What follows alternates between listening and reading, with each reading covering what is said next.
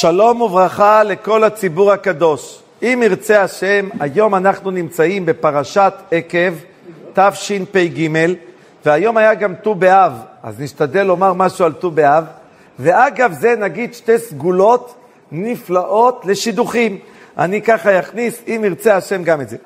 והיה עקב תשמעון אל המשפטים אשר אנוכי מצווה אתכם, ושמר לך. ואז מבטיחה התורה עשרה ברכות, אני אומר לכם, אין ברכות יותר טובות מכל הברכות שהתורה כותבת. והאבך פרוטקציונר אצל השם, ברכך, התפילות שלך, אומרת הגמרא בבחורות, לא יהיו עקורות, כל תפילה שלך נענית. בי בהמתך, אומרת הגמרא, גם אם לא תכוון, גם התפילות שלך יענו. איפה תפילות כאלה? איזה דברים? על מה זוכים לכל כך הרבה ברכות? בני, חיי ומזוני. על מה זוכים לכל כך הרבה ברכות? אז נתחיל. האור החיים הקדוש מתחיל בדבר הראשון, והיה עקב.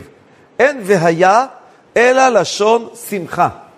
אומר האור החיים הקדוש, דע לך, אני רוצה שכולם ימחושו בין הזמנים עכשיו. שני אנשים שוכבים במיטה. אחד קם בבוקר אחרי שהוא עושה כמה גלגולים. הוא נמצא בתורת הגלגולים, מתגלגל במיטה. הוא קם, הגיע לתפילה בזמן שבע וחצי. השני התעורר, הרגע שהתעורר, מיד קם. זה שמיד קם, אומר האורחות צדיקים בשער הזריזות, אתה יודע למה הוא הזדרז? כי הוא אוהב את המצווה, הוא שמח בה. דבר שאתה שמח לעשות לטיול, כולם קופצים, אתה יודע, המניינים של הנץ בבוקר, בבין הזמנים, בימים של שני ושל... ורביעי ושישי מפוצצים. אין מקום לשבת בבית הכנסת. אתה רואה את כולם קמים כדי לנסוע לים. נוסעים לים, אתה פתאום רואה את כל המניינים של... רגע, אתה כל פעם צריך בתשע להזיז אותך בכוח מהמיטה, לשפוך עליך כוס מים קרים, ופה הוא קם מוקדם. דברים שאתה שמח, אתה אומר ארוחות צדיקים, אדם עושה אותם אה, מהר. במאמר המוסגר, אני לא יודע אם מותר להגיד את זה, פגשתי אברך בים, אז אמר לי האברך הזה משפט נפלא, אמר לי שהקדוש ברוך הוא אמר לאברהם, למשה רבינו, פרשת ואתחנני, השבוע הראשון של בין הזמנים. אמר לו, לארץ ישראל לא תיכנס, אבל שא עיניך וראה את הארץ. איך תראה אותה? הרי הדבר הראשון ימה, תראה את הים. לך בין הזמנים לים. הדבר השני צפונה, סע לצפון. הדבר השלישי נגבה, אתה יכול לנסוע דרום. הדבר הרביעי מזרחה, נוסעים לירושלים, נוסעים לכותל, נוסעים לעשות משהו. התורה רומזת איך המסלול של אלה שרוצים וראי בעיניך, שרוצים לראות את ארץ ישראל, מה הם עושים בימי בין הזמנים, לאיפה הם הולכים, מה הם הולכים ומה הם עושים. זה בקשר לחלק הזה, אבל אני חוזר לענייננו. בא אור החיים הקדוש וכותב, שני אנשים עשו אותה מצווה, אחד עשה אותה עם שמחה, והיה, והשני עשה אותה בלי שמחה, זה שעשה עם שמחה עשרה ברכות, בני, חיי, מזוני, אהבה, ברכה, כל מה שאתה רוצה. השני עשה את זה בלי שמחה, שניהם הגיעו לתפילה בשבע וחצי. בלי שמחה, הכל קשה. עקב, אך, כל דבר הולך קשה. הוא לא מבין למה. זה האור החיים הקדוש, זה ידיעה נפלאה. אני רק רוצה לגמור את המהלך של האור החיים, לספר את הרעיון הזה. האורחות צדיקים כותב בשער הזריזות דבר מדהים. הוא אומר שתדע לך שכל השכר שאברהם אבינו קיבל על עקדת יצחק, לא היה על עצם העקדה. הרבה דורות מסרו את הנפש. הוא אומר, כל השכר שעם ישראל עומדת לו הזכות של עקדת יצחק, שהנה עכשיו מגיע ראש השנה, כולנו נגיד ועקדת יצחק, היום לזרות תזכור. מזכירים רק את זכות העקדה, זיכרונות עקדת יצחק, הוא אומר, זה על הזריזות, עליו וישכם אברהם בבוקר. זה שהוא קם ועשה את זה מוקדם. אם הוא לא היה עושה את זה בזריזות, לא היה את הזכות של העקדה. והגאון מווילנה, פרשת ואירא, מסביר את זה, כי הוא אומר, בעולם הזה אין שכר על המצוות. כל השכר על המצוות זה רק אם יש זריזות במצווה. אז לכן פה התורה הבטיחה עשרה דברים על הזריזות במצווה. זריזות שעשית בעולם הזה, התגברת, על זה האדם זוכה. אז קודם כל למדנו כמה חשובה הזריזות לכל מצווה וכל דקדוק במצווה. כתוב בזוהר הקדוש, מלך אסור ברהטים. כאילו הקדוש ברוך הוא, שהוא מלכו של עולם, הוא אסור, הוא כאילו כבול אלינו, אסור כמו אסיר שהוא קשור איתנו, במה הוא אסור ברהטים? בריצה למצוות. מי שרץ למצווה, כביכול הקדוש ברוך הוא חייב לו. חייב לו. רץ למצווה. רץ לשיעור, רץ לתפילה, רץ לשמירת שבת, רץ למצווה. כשאתה רץ, מלך אסור ברהטים. אני רוצה לספר לכם שני, שני דברים קודם כל על הדבר הזה. יש בחור שהוא התחיל ליפול, לא עלינו. עכשיו, מי שיודע, כשהבחורים מתחילים ליפול, זה זמן שאי אפשר לדבר איתם. למה? הוא אז מסומם, שיכור. הוא רוצה לטעום את כל העולם, אחרי שהוא נפל, הוא קיבל את המכות, הוא רואה, אה, מה עשיתי? מה, מה, מה, מה, מה, מה נשאר לי? אבל כשהוא בהתחלת הדרך, הוא שיכור. פשוט שיכור, אין עם מי לדבר, הוא כמו אדם מסומם, אתה לא יכול לדבר איתו. אמא שלו בכתה, בכתה, ראו שאין מה לעשות. תפס אותו אדם אחד, הלך איתו. אמר, תשמע, אין בעיה, אתה רוצה לעזוב, אתה, אתה יכול לעזוב, אתה יכול לעשות הכל. בוא נעשה דבר כזה. השבת הזאת, אני נותן לך כסף, סע לצימר לצפת. סע לצימר בצפת. תהיה בצפת. תשב שם שבת, תחשוב עם עצמך, תחליט מה שאתה רוצה, תעשה אחר כך. הוא אמר, אני נותן את הצ'אנס, תן לי לנסוע בשבת, נסע לשבת לצפת, ואימא שלו פה קראה את השמיים בתפילות. כשהוא הגיע לעיר צפת, הוא הגיע לבית כנסת. אמר, אם זו השבת האחרונה שלי, שאני שומר, לפחות את השבת הזאת אני אשמור. הגיע לבית כנסת, והיה משעמם לו קצת, ישב ללמוד, פתאום יושב לידו איזה יהודי, מתחיל לדבר איתו, פש, מתפעל ממנו. אומר לו, מצאת חן בעיניי, יש לי בת, לא רצוי ככה להציע שידוכים, אני רוצה אותך חתן לבת שלי. והתחיל לספר לו על הבת שלו. הוא היה בטוח, אני לא שווה כלום, הוא עזב את הישיבה כי הוא היה מיואש מעצמו, כי הוא שבור ורצוץ. פתאום מגיע מישהו, אומר לו, שמע, אתה כזה מוצלח, שאני רוצה אותך אפילו בלי שטחן. יש לי בת, והתחיל לספר לו. אמר לו, אתה ככה? החליט חוזר לישיבה. אומר, איפה התחילה הישועה שלו? איפה התחילה הישועה שלו? הוא אומר, כשהוא תפס שבת של חיזוק. כשאתה עושה איזו פעולה של התאמצות, זריזות, משהו למצווה, משם התחילה הישועה. אבל אם אדם רוצה ש... אני יושב ככה, לא רוצה לעשות כלום, ושיהיה ישועה, שם אין כלום. הישועה מתחילה כשהבן אדם מתחיל את ההתחזקות שלו. אז סיפר הרב יצחק קולדצקי, הוא אומר שאבא שלו היה בן יחיד. בערב שבת קודש פרשת עקב, תרפ"ט, מאורעות תרפ"ט, טבחו יימח שמם הרוצחים בחברון, 64 מתושבי חברון, טבחו בחורי ישיבה שם בחברון, ועוד מלא אנשים שטבחו אותם, זה היה יום שישי, ערב שבת קודש פרשת עקב. ספר הרב קולדצקי, בדיוק, שבוע שלנו, תחשבו בדיוק. אה, הרב קולדצקי היה בן יחיד, הוא למד בישיבת חברון. עכשיו, הם לכדו אותם בתוך האזור. אומר, לילה קודם הם ישנו, הוא ישן, וכתוב בחפץ חיים שהקדוש ברוך הוא בלילה מכריז כל מה שיהיה למחרת בבוקר. אמא שלו מגיעה אליו בחלום, ואומרת לו, אתה תנצל בזכות הלחם והשבת. עוד מעט אני אספר לכם מה זה הלחם והשבת. הוא לא הבין בדיוק מה העניין הזה. אומר, למחרת, הם ראו שהערבים ככה רוצים לעשות בהם, לטבוח בהם. התקבצו כולם בכל מיני בתים, ושמו ארונות על הדלתות והכל, ואז הם הסתתרו כל אחד בתוך הבית. היה שם שירותים ככה, באיזה פינה, נכנסו עשרה לתוך שירותים. הוא אומר, הרגשתי שאני נחנק.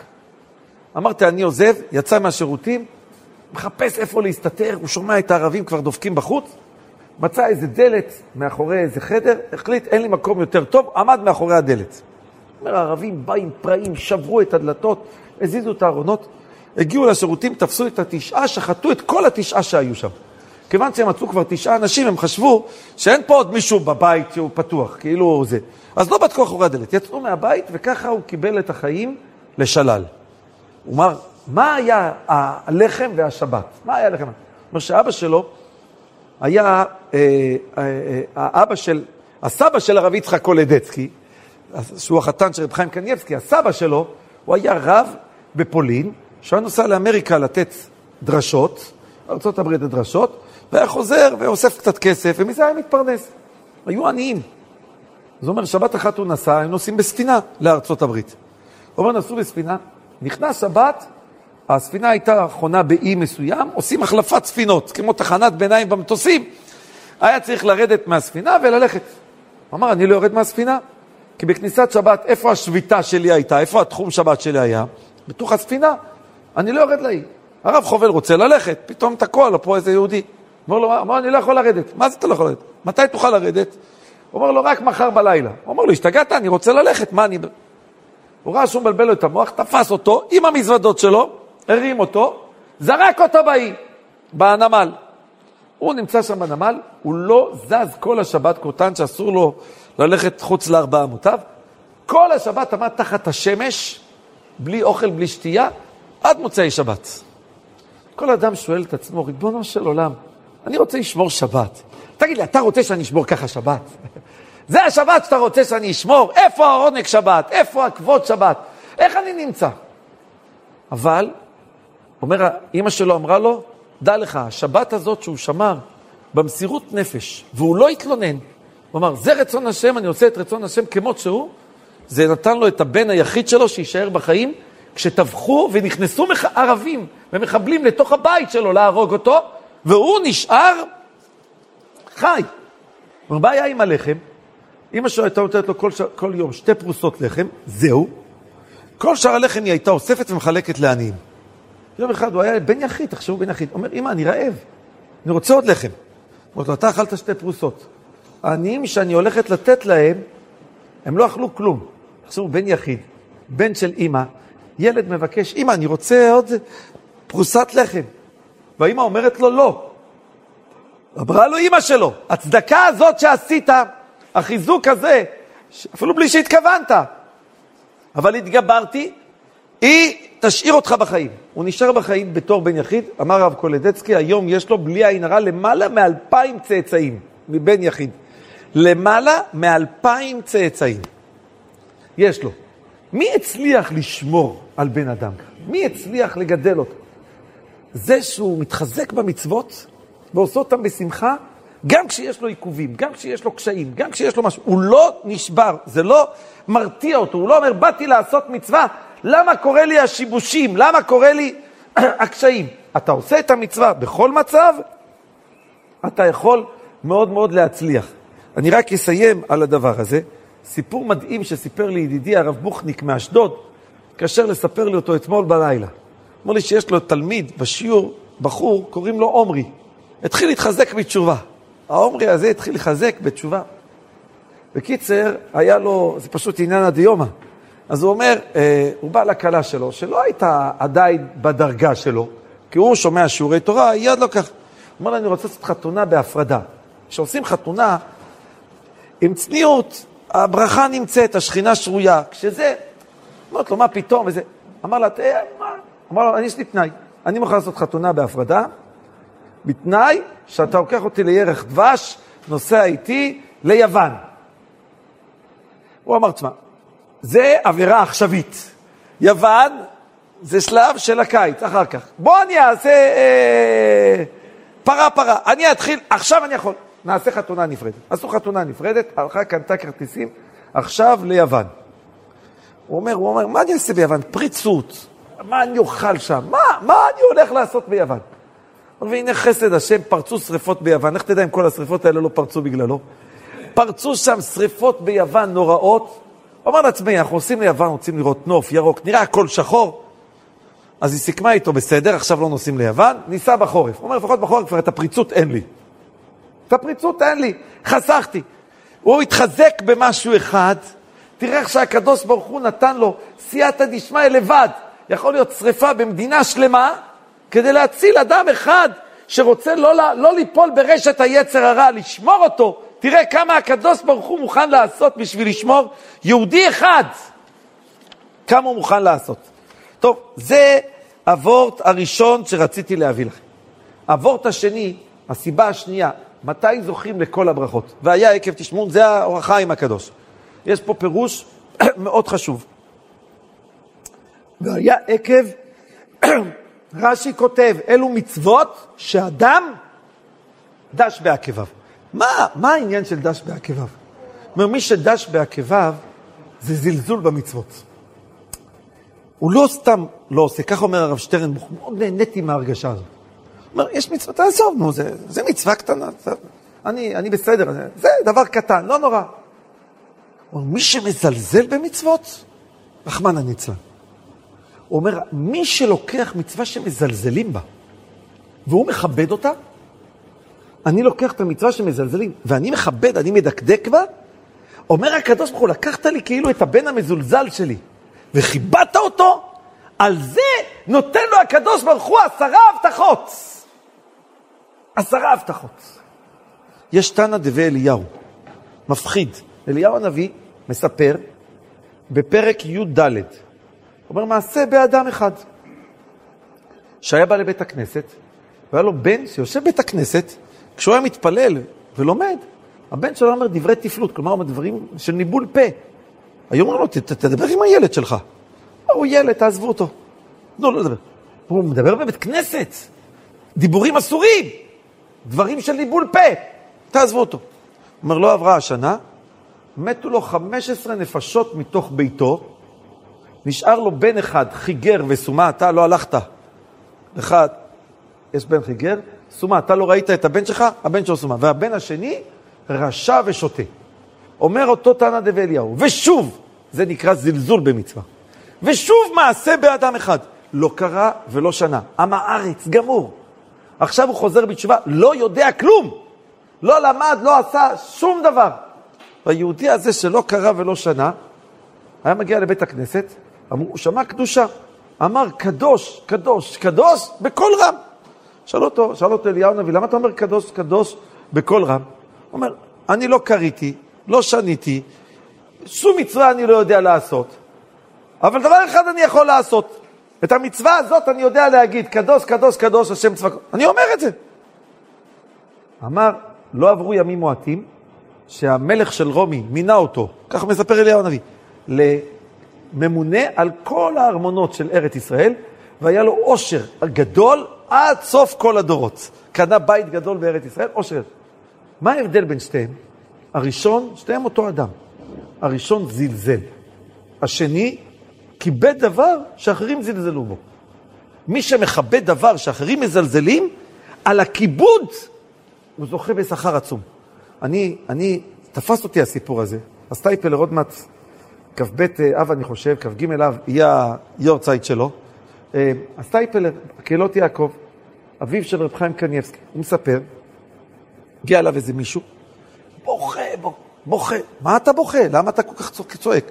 אמר לו הרב, יש, לי, יש לו כל כך הרבה צרות, אני לא מבין, למה? מה אני יותר גרוע מכולם? למה אני מקבל כל כך הרבה צרות? כך הוא צועק לרב חיים.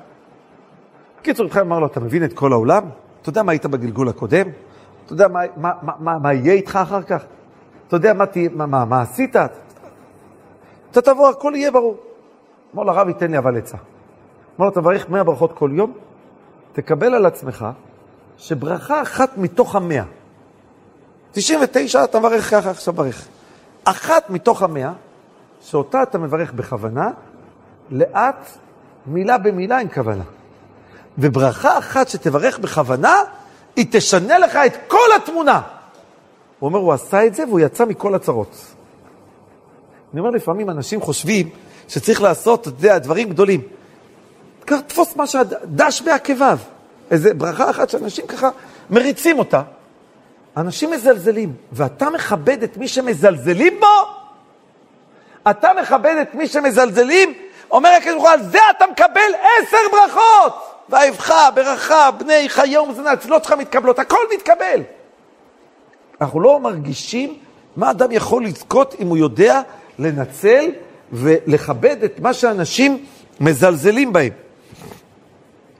ראיתי על זה. יש ספר שפת אמת, לא השפת אמת מגור, יש שפת אמת בעיר ברז'ן, אני לא יודע בדיוק איזה רב חיבר אותו, הוא כותב דבר מדהים. הוא אומר, כתוב שיעקב נולד כשידו אוחזת בעקב עשיו. וכתוב, כיוון שידו אוחזת בעקב עשיו, ויקרא לו יעקב מביא רש"י שתי פירושים. או ויקרא לו יצחק, פירוש שני אומר רש"י, מי קרא לו יעקב? הקדוש ברוך הוא. תגיד לי, במקרה הוא יצא כשהיד שלו אוחזת בעקב של עשיו. על זה הקדוש ברוך הוא, הקדוש ברוך הוא אומר, אתה יודע איך קוראים לו? יעקב. בסוף החליפו לו את השם יעקב, החליפו את השם לישראל. למה קראו לו יעקב? מה הלימוד בזה? הוא כותב שם דבר מדהים. אומר, אתה יודע, מה הפיל את? עשיו הבכור של יצחק. כישרוני. האריזל כותב שהיה יותר גדול מאשר יעקב. אבא שלו רוצה לברך אותו. הוא יכול לקבל את כל הירושה של אברהם ויצחק. אלא מה הפיל את עשיו? ואיבז. זלזל, נו, בכורה, אני מסתדר עם המצוות שיש היום. הוא זלזל. ויעקב, ידו אוחזת בעקב. במה שעשו מזלזל, הוא מכבד. הוא תפס את המצוות שעשו מזלזל בהם, אותם הוא כיבד. אומר הקדוש ברוך הוא, על זה קוראים לך יעקב. אתה יודע מי מצמיח את הבחיר שבאבות? מי מצמיח את האדם להיות גדול הדור? תדע לך, זה יצמיח אותך. אתה תקבל בתור קטן את כל הברכות ועשו לא יקבל כלום. זה הכוח של אדם שיודע לתפוס את הדברים שאחרים, מה עושים? מזלזלים בהם. הדבר השני, שכולם תמיד שואלים את זה, פרשת וישב, יש שתי תאומים לתמר, פרץ וזרח. זרח יוצא, אה, הוציא את היד ראשונה, זרח, פרץ פרץ. קוראים לו פרץ, למה פרצת עליך פרץ? תגיד לי, זה הסיפור. תן שם על סבא, תן שם על אבא, תן שם על איזה משהו. פרץ, יצא. הוא אומר, תראה מה דקה אחת של היסח דעת. זרח אמר, טוב, אני רוצה לצאת ראשון, אני רוצה שכל מלכות בדוד תצא מזרי. דקה אחת הוא נח. ופרץ, בדקה הזאת שהשני נח, הוא ניצל אותה. דקה אחת שהוא ניצל, כל מלכות בית דוד מזרעו, משיח בן דוד מזרעו. פרץ זכה למה שזרח לא יכול לזכות. מי איבד לזרח את הכל? הוא זלזל בדקה אחת. מי נתן לפרץ את הכל? הוא ניצל את אותה דקה. מי שיודע לא לזלזל בפעולות הקטנות, לכבד אותם, לייקר אותם, להעריך אותם, הוא יש לו את המפתח לכל הדברים שהוא יכול לזכות. אני רוצה להביא לכם על זה דבר נפלא, אה, דבר מאוד מאוד יפה. סיפר רב מוישה הלל הירש, הגאון רב מוישה הלל הירש. הוא אומר שהיה בחור, שרדין, מי שנוסע על הקבר של החפץ חיים, אבא שלי נסע עם קופת העיר כמה פעמים, אז הוא אומר לי, העניות שם עד היום זה משהו לא מעל מעדן. אין ברזים נורמליים, אין כלום, אתה רואה שם עניות. ברדין, ברוסיה, בלרוס. אז הוא אומר, עניות נורא, אתה רואה כאילו הם תקועים שם לפני 200 שנה. העניות בישיבת רדין הייתה כזאת עניות גדולה, שמה הם עשו? הבחורים היו שמים להם אה, קש על הרצפה בחורף של רוסיה, עם השלג היו שנים על הרצפה. לבחורים המבוגרים והחשובים, שכרו מיטות בדירות הישנות, המטות ליפול של התושבים של רדין. הגיע שם בחור צעיר, שהיה לו, אה, סבל מריאות, היה כל הזמן דלקות ריאות. סבל מדלקות ריאות. וכיוון שהוא סבל מכל מיני דלקות ריאות, אמרו לחופץ, לחופץ חיים שלא יזכרו אולי מיטה, לישון בקור הרוסי, על הרצפה, על קש, הוא יכול להיות חולה. חופץ חיים אמר, רגע, מה אתם אומרים לי?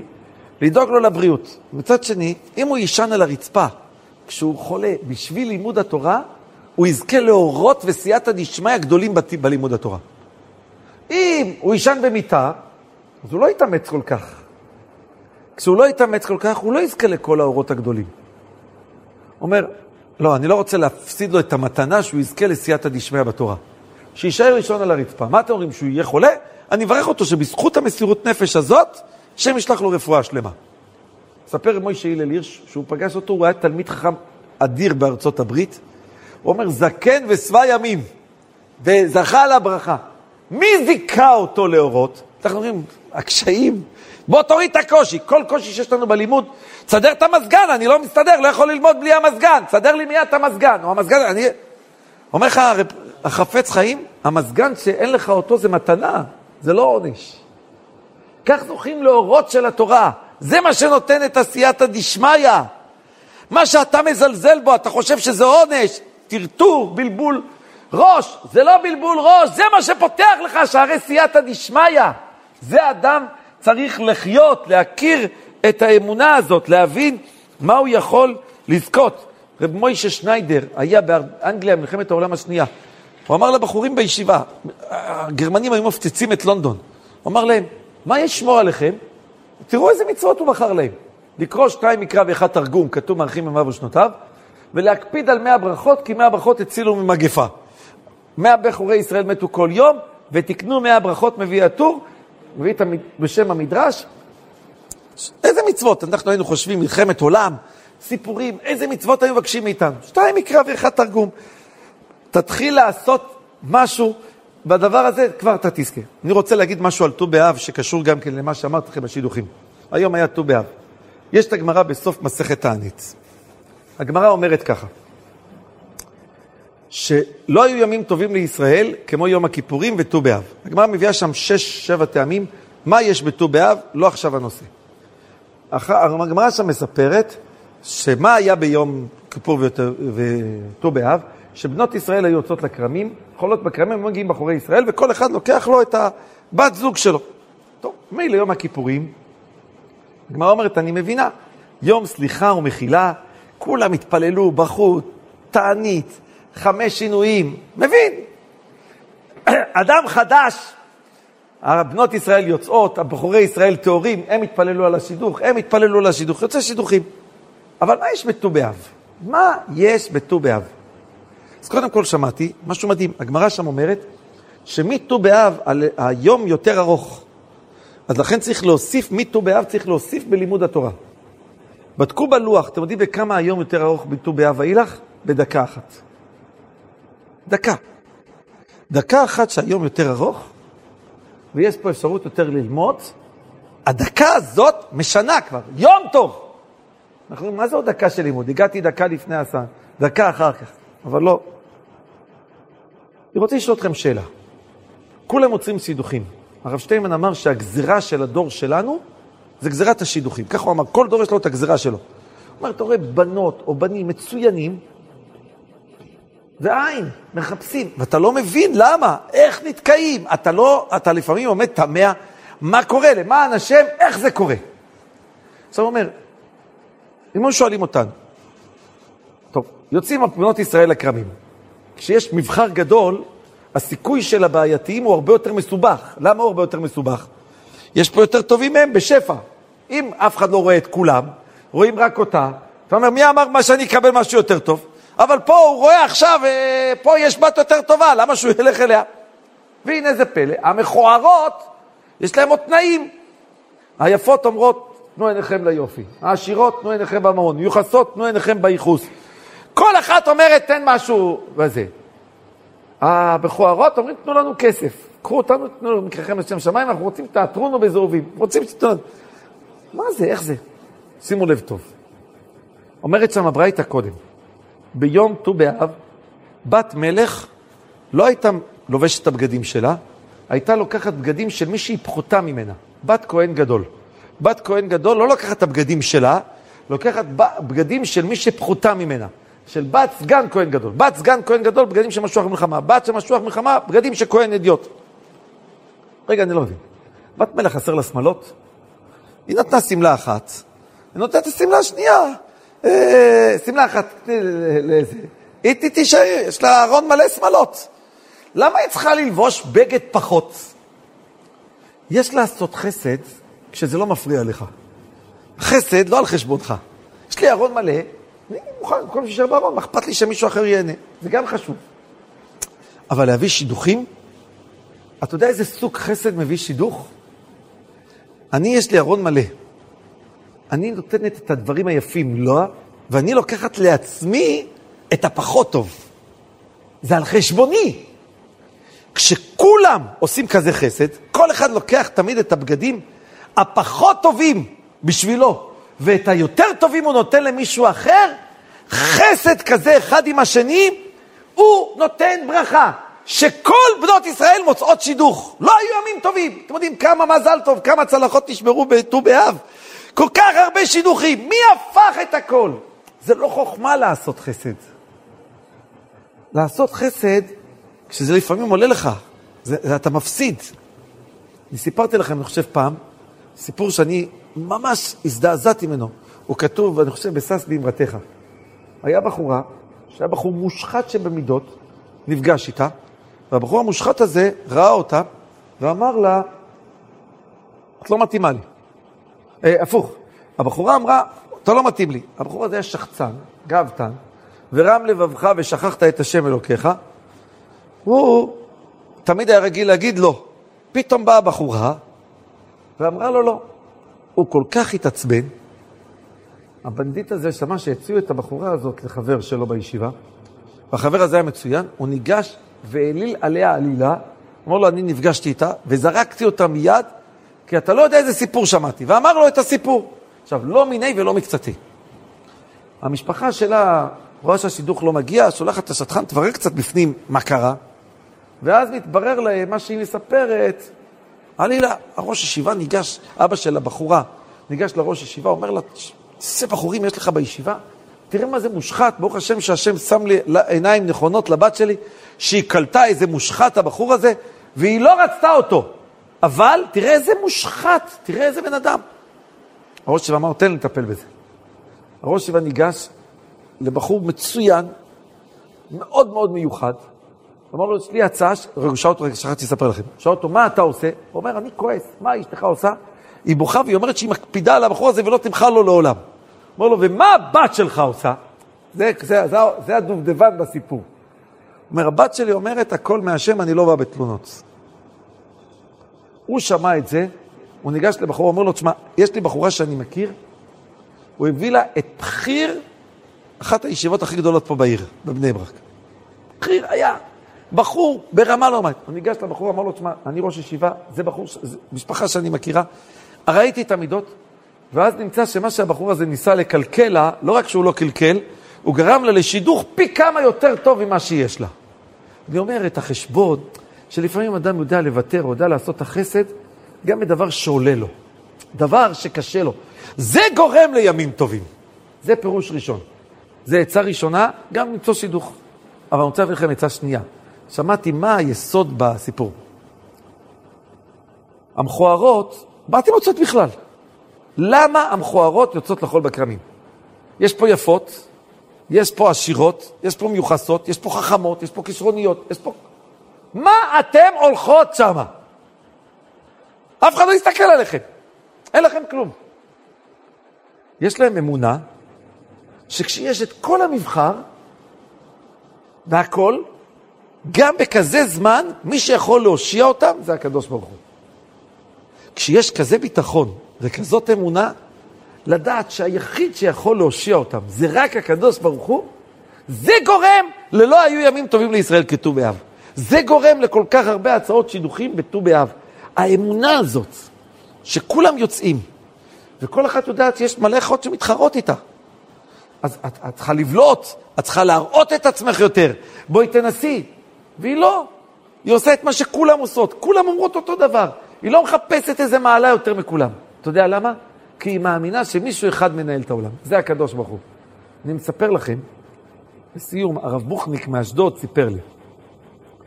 יש יהודי, הוא אמר לי את השם משפחה שלו, אבל אני אגיד רק את השם הפרטי, בלי שם המשפחה, כי לא ביקשנו את רשותו. קוראים לו רבי יואל. יואל, הוא עבד, עובד בתעשייה אווירית. הוא עובד בתעשייה אווירית.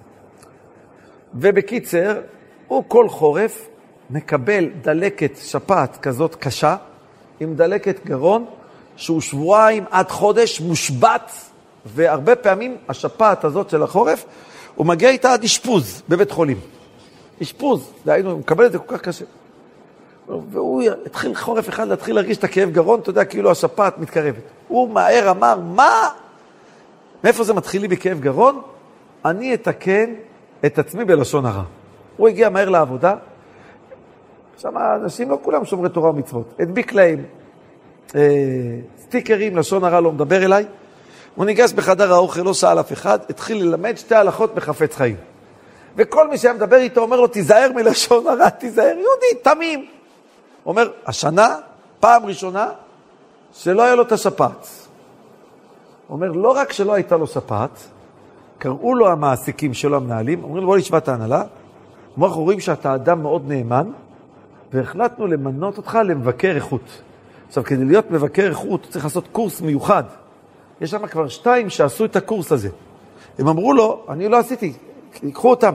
אמרו לו, אנחנו נממן לך את הקורס על חשבוננו, אנחנו נעלה לך את המשכורת, נעלה אותך במעמד, תהיה מבקר איכות. הוא אמר, מי שמבקר את עצמו, מה להוציא מהפה ומה לא להוציא מהפה, הקדוש ברוך הוא עוזר לו להיות מבקר איכות, גם בלי שהוא תכנן, בלי שהוא חלם, בלי שהוא ביקש, בלי שהוא עשה מועמדות, בלי כלום. דברים שבני אדם מזלזלים. ומה אתה עושה? אתה מכבד? אתה מכבד? דע לך, פה אתה זוכה לסייעתא דשמיא. פה אתה זוכה למצוות הגדולות. נזכה כולנו לכבד את כל המצוות, להזדרז בהן, והקדוש ברוך הוא יברך אותנו בכל הברכות האמורות בפרשה, אמן ואמן.